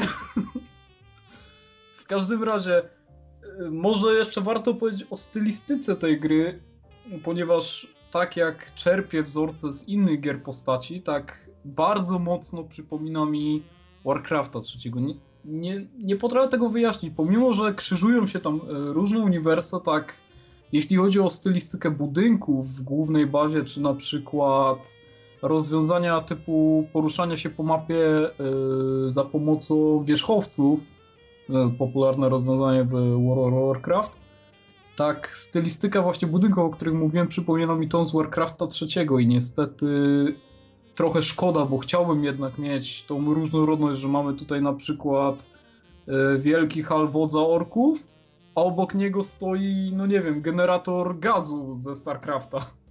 Ja rozumiem, ale wiesz co, myślę, że to jest, em, że to jest po prostu bezpieczne wyjście, dlatego że ta stylistyka graficzna, ona się już sprawdziła w, e, może nie do końca w StarCraftie, chociaż StarCraft tak czy inaczej e, wywodził się tak jakby z doświadczenia, które zostało nabyte w Blizzardzie w Warcraftie trzecim, ale to jest już stylistyka, która się przyjęła, która e, no, która jest powszechnie uważana za, za taką, która działa, tak więc nie ma sensu ryzykować, szczególnie na tym rynku, gdzie te gry MOBA niemalże wyglądają, no nie oszukujmy się, tak, Strife, e, Smite, LOL, e, Hon i, e, i, i co jeszcze pominąłem? Dota 2.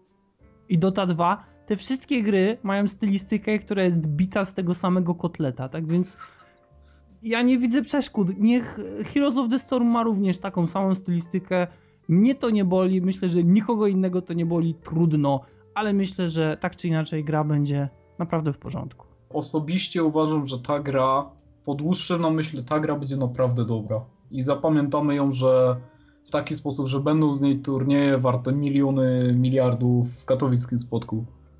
Uuu, a tak a propos, nie wiem czy wiecie, starałem się wejść na Intel Extreme Masters, starałem się e, zobaczyć jak wygląda ten wspaniały zjazd tych wszystkich chłopaczków w dresach z napisem Steel Series oraz w takich fajnych zakapturzonych blusach z napisami swoich klanów i ogólnie rzecz biorąc jak to wszystko pięknie wygląda od środka. Natomiast kolejka była tak przerażająco ogromna, że podchodząc do kogoś na samym końcu kolejki, E, i podszedłem do niego w sobotę. Zapytałem, od której tutaj stoi. On mi powiedział od 5 rano, natomiast ja byłem tam o 9.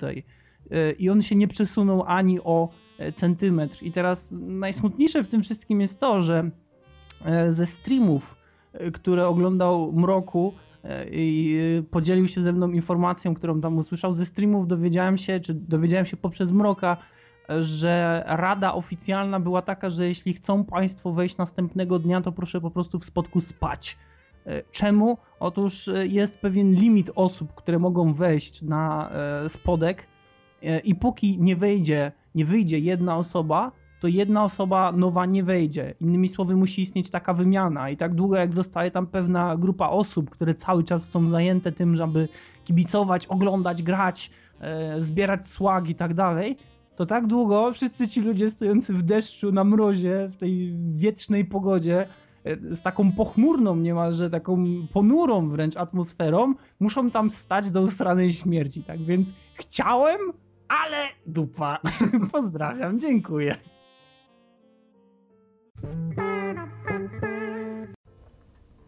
Okej, okay, tak więc kolejny temat, tym razem wyjątkowo dziewiczy rejs Norberta. Otóż wybrał on sobie jeden taki malutki temacik, aby omówić samodzielnie i akurat padło na World of Tanks, dlatego że Norbi oprócz tego, że jedną czwartą roku spędził w League of Legends, to grał również w World of Tanks i jak się okazuje, World of Tanks wychodzi również na Xboxa 360 i teraz Norbi podziel się z nami tą jakże ważną informacją na temat tej jakże ważnej gry. Ależ oczywiście bardzo chętnie podzielę się z wami informacją. World of Tank na Xboxa 360 został przeportowany przez amerykański oddział Wargaming, czyli Die One Studios. Tak jak lubiłem, nawet bardzo lubiłem grać w World of Tank, ponieważ po raz kolejny się pochwalę, że w World of Tank mam przegrane 5700 gier. Przeważnie trwają w okolicach 2-3 minut, chociaż zdarzają się nawet i 15-minutowe pojedynki. Tak więc sam fakt, ile czasu można poświęcić na tę grę. Tak więc, jeśli chodzi o moje doświadczenie z PC-ta, to nie mam zastrzeżeń. Gra jest fajna, co prawda ma bardzo dużo wad, które można wymieniać i wymieniać, ale w porównaniu do wersji z Xboxa jest po prostu świętym gralem, jest ideałem. Jak ja zobaczyłem, co oni zrobili z tą grą, to naprawdę jest mi przykro, ponieważ tak, Xbox 360 nie zapewnia rozdzielczości Full HD. Rozdzielczość to 1280 na 720. Y, będzie też bardzo słabo wykonana minimap, ponieważ to jak to jest gra taktyczna, trzeba bardzo dużą uwagę zwracać na minimapę, tak więc jeśli w PC-owej edycji World of Tank mamy minimapę, która ogarnia całą mapę, tak w edycji na Xboxa mamy tylko wycinek co jest bardzo dużym utrudnieniem, to praktycznie może przekreślić całą taktyczną grę, takie ciągłe przełączanie pomiędzy dużym widokiem mapy. E, co więcej, dostępne mm, nacje, ponieważ warto też wspomnieć, że World of Tank dzieli się na nacje różnego rodzaju, e, na tę chwilę na Xboxa będą dostępne tylko trzy. Ameryka, Anglia i Niemcy, podczas gdy na PC jest to aż 7, czyli E, Ameryka, Anglia, Niemcy, Rosja, Japonia, Francja i Chiny.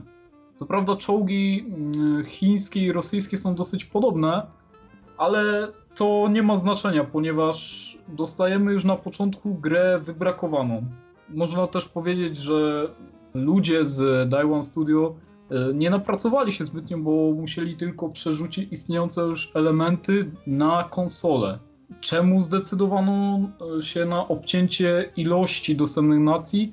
Nie jestem pewien, chociaż można to upatrywać powodu tego w tym, że Xbox tak naprawdę jest popularny głównie w Stanach i po części w Europie, dlatego głównie nastawiałem się na, no wiadomo, nacje bliższe sobie, że tak można powiedzieć. Do tego dostajemy mniejszą ilość map niż na PC.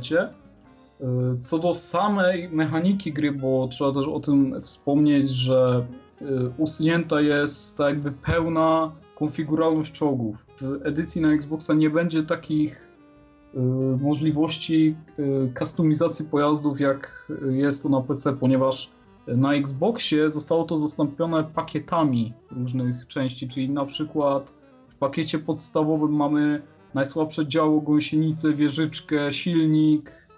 Tak, y, kolejne pakiety odblokowują coraz lepsze. Co prawda, dążymy do tego samego na PC, jednak dla niektórych osób najlepsze części w czołgu nie będą najlepsze pod ich styl gry. Tak samo można też powiedzieć o kolejnych brakach tej gry, czyli brak wojen klanowych na mapie globalnej, czyli brak swoistego endgame'u, z którego właśnie słynie mm, World of Tanks na PC, ponieważ są organizowane nawet e, różnego rodzaju nagrody za jakieś szczególne osiągnięcia w wojnach klanów. Ostatnia e, edycja była nagradzana czołgiem 10 poziomu e, premium, E, niemiecka VK7201. Naprawdę ciekawy pojazd i ilość rozdanych pojazdów wynosiła 10 tysięcy, czyli 10 tysięcy najlepszych graczy zostało nagrodzonych w ten sposób. Jest to bardzo miły prezent, jednak nie można tego spodziewać się na Xboxie, przynajmniej na tę chwilę. To jest dość poważny brak, ponieważ z tym wiąże się kolejny punkt, czyli brak sensu posiadania E, maszyn z ostatnich tierów, bo mamy drzewka e, rozwoju podzielone na 10 etapów i tak jak pierwszy czołg jest darmowy z pierwszego tieru, tak ostatni, e, ostatnie bestie danej nacji po prostu są bardzo drogie i utrzymanie ich nie jest rentowne.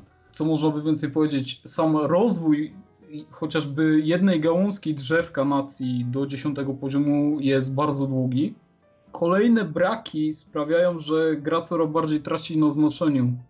A nie powiedziałem jeszcze o kolejnych bardzo ważnych czynnikach, jak yy, abonament Xbox Live.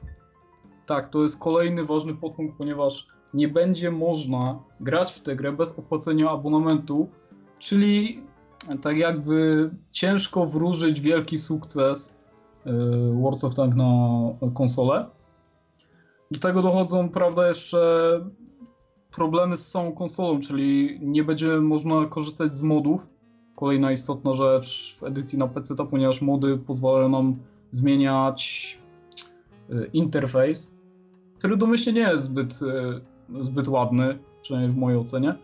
Tak. Skoro interfejs nie jest zbyt ładny, to czy on nie zostanie w jakikolwiek sposób zmodernizowany dla graczy konsolowych? To znaczy, jest lekko zmieniony, ale niektórym nadal może się nie podobać, ale tak jak na PC ma się wyjście, że można sobie yy, tak jakby dorzucić No tak, własne... tak, ale to jest, wiesz, ale to jest wpisane niemalże w użytkowanie konsoli, szczególnie w Xboxa 360, to, że trzeba wykupić abonament Xbox Live, żeby, żeby grać online, e, to już myślę wiedzą wszyscy. To, że na tej konsoli nie da się instalować modów, no to też wiedzą wszyscy, bo na PSX, na PlayStation 2, na Xboxie pierwszym, na Xboxie 360, na PlayStation 3 i teraz na Xboxie One i na PlayStation 4 nie można instalować modów, tak? Więc myślę, że to no, wiesz, ja o tym kopanie nie leżącego. Ja o tym nie wiedziałem, ponieważ nigdy konsoli nie miałem. O Boże. Nie żałuję, szczerze mówiąc. Yy, bardziej lubię PC, a bardziej przemawia to do mnie granie na PC, na klawiaturze i myszce niż na padzie. Tak samo Dark Soulsy, tylko klawiatura i tylko ten... Yy, no myszkiem klik. W każdym razie, brak. Po prostu kieruję to do ludzi, którzy także nie mają konsol, ale może zdecydują się kupić i mogą się mocno zdziwić, ponieważ gra, która na PC i tak jest, no, jak taki mały, bity chłopiec, na konsolę jest jeszcze bardziej skrzywdzona. Jest bardzo mocno poobcinana. No i sam rozumiesz, że jeśli już nawet się nie czepiam grafiki, tylko brak endgame'u to mnie boli.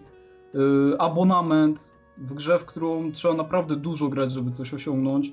I... No ale to wiesz co, myślę, że ktokolwiek kupowałby World of Tanks na Xboxa 360, e, no to jednak będzie wiedział, że, że musi mieć abonament. To, to jest chyba, to jest chyba, no, to jest oczywiste.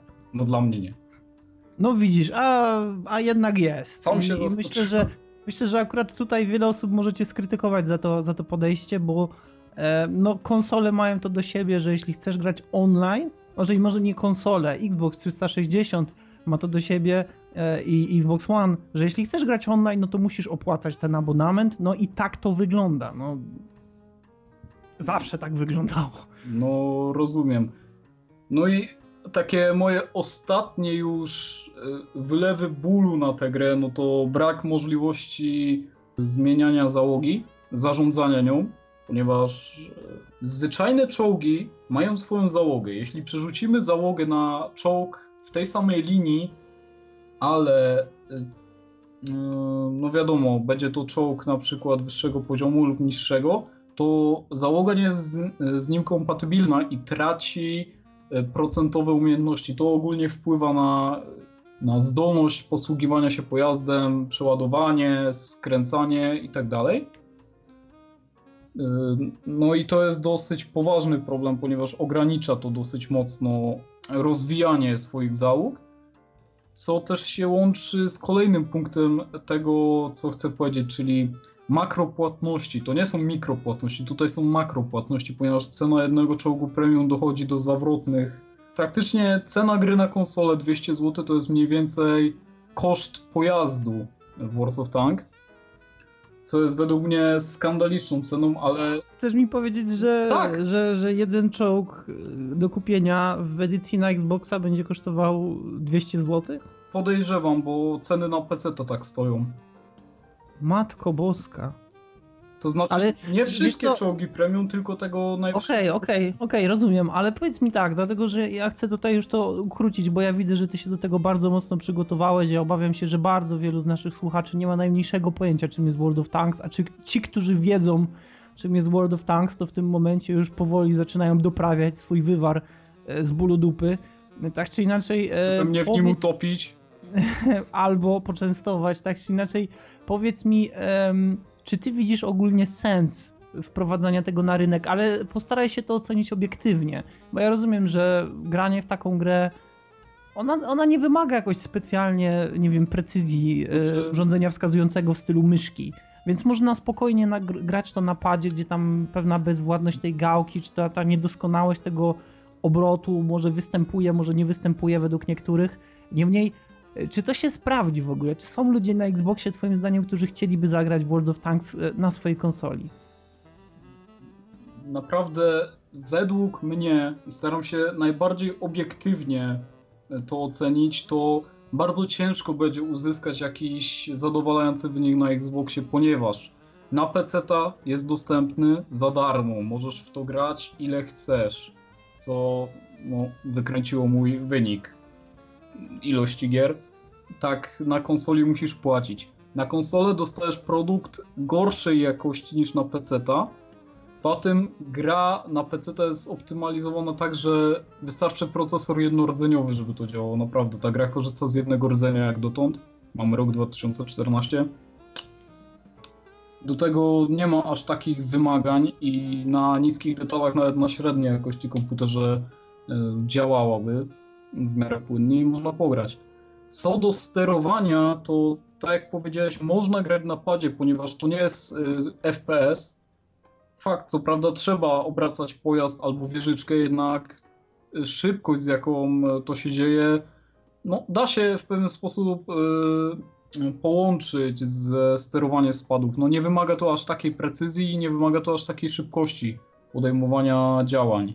Więc według mnie mogą wydać tę grę, bo to nie ode mnie zależy, ale uważam, że to jest bardzo Ogólnie Bardzo jako gracz, jako gracz World of Tanks z doświadczeniem, z dużą ilością gier już na swoim koncie stwierdzasz, że to nie jest, nie jest ich najlepsze posunięcie. No to- I myślę, że to jest akurat e, prawda. Na pewno to jest otwarcie się na rynek, na który prędzej czy później otworzyć się trzeba, bo teraz mamy takie trzy dominujące przestrzenie, na których można e, wydawać swoje gry. To jest rynek gier mobilnych, czy urządzeń mobilnych, w sumie tak powinienem to powiedzieć, rynek konsol, no i oczywiście rynek PC-towy, z czego myślę na, na, pierwszym, na pierwszym planie zawsze mamy te konsole, dlatego że one domyślnie są stworzone do gier, potem mamy rynek PC-towy, a zaraz za nim, myślę, że już za niedługo nawet i przed nim będzie rynek gier na urządzenia mobilne.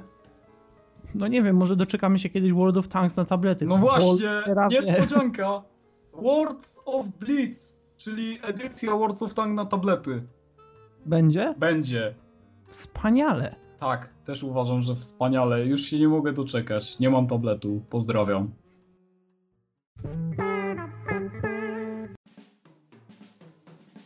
Dobrze, i to zakończenie tego jakże dziwacznego 170 odcinka DualShock Podcast. E, Mamy nadzieję, że się e, przyjemnie słuchało. Ja wręcz czekam na to, czy chcecie posłuchać trochę więcej bólu dupy na temat różnych tytułów, bo ja szczerze powiedziawszy, tak jak pomyślę, to jednak dość sporo mógłbym powiedzieć o tym, co mi przeszkadza. Jeśli tylko chcielibyście nie słuchać takich, można powiedzieć, e, luźnych pogadanek, natomiast takich, które skupiałem się bezpośrednio na jakimś tytule i co mnie w nim wkurza, to śmiało, bo myślę, że bólu dupy zawsze fajnie się słucha, a potem się fajnie z nim nie zgodzić i go skomentować. Tak więc to zawsze jest powód do stworzenia ciekawej dyskusji.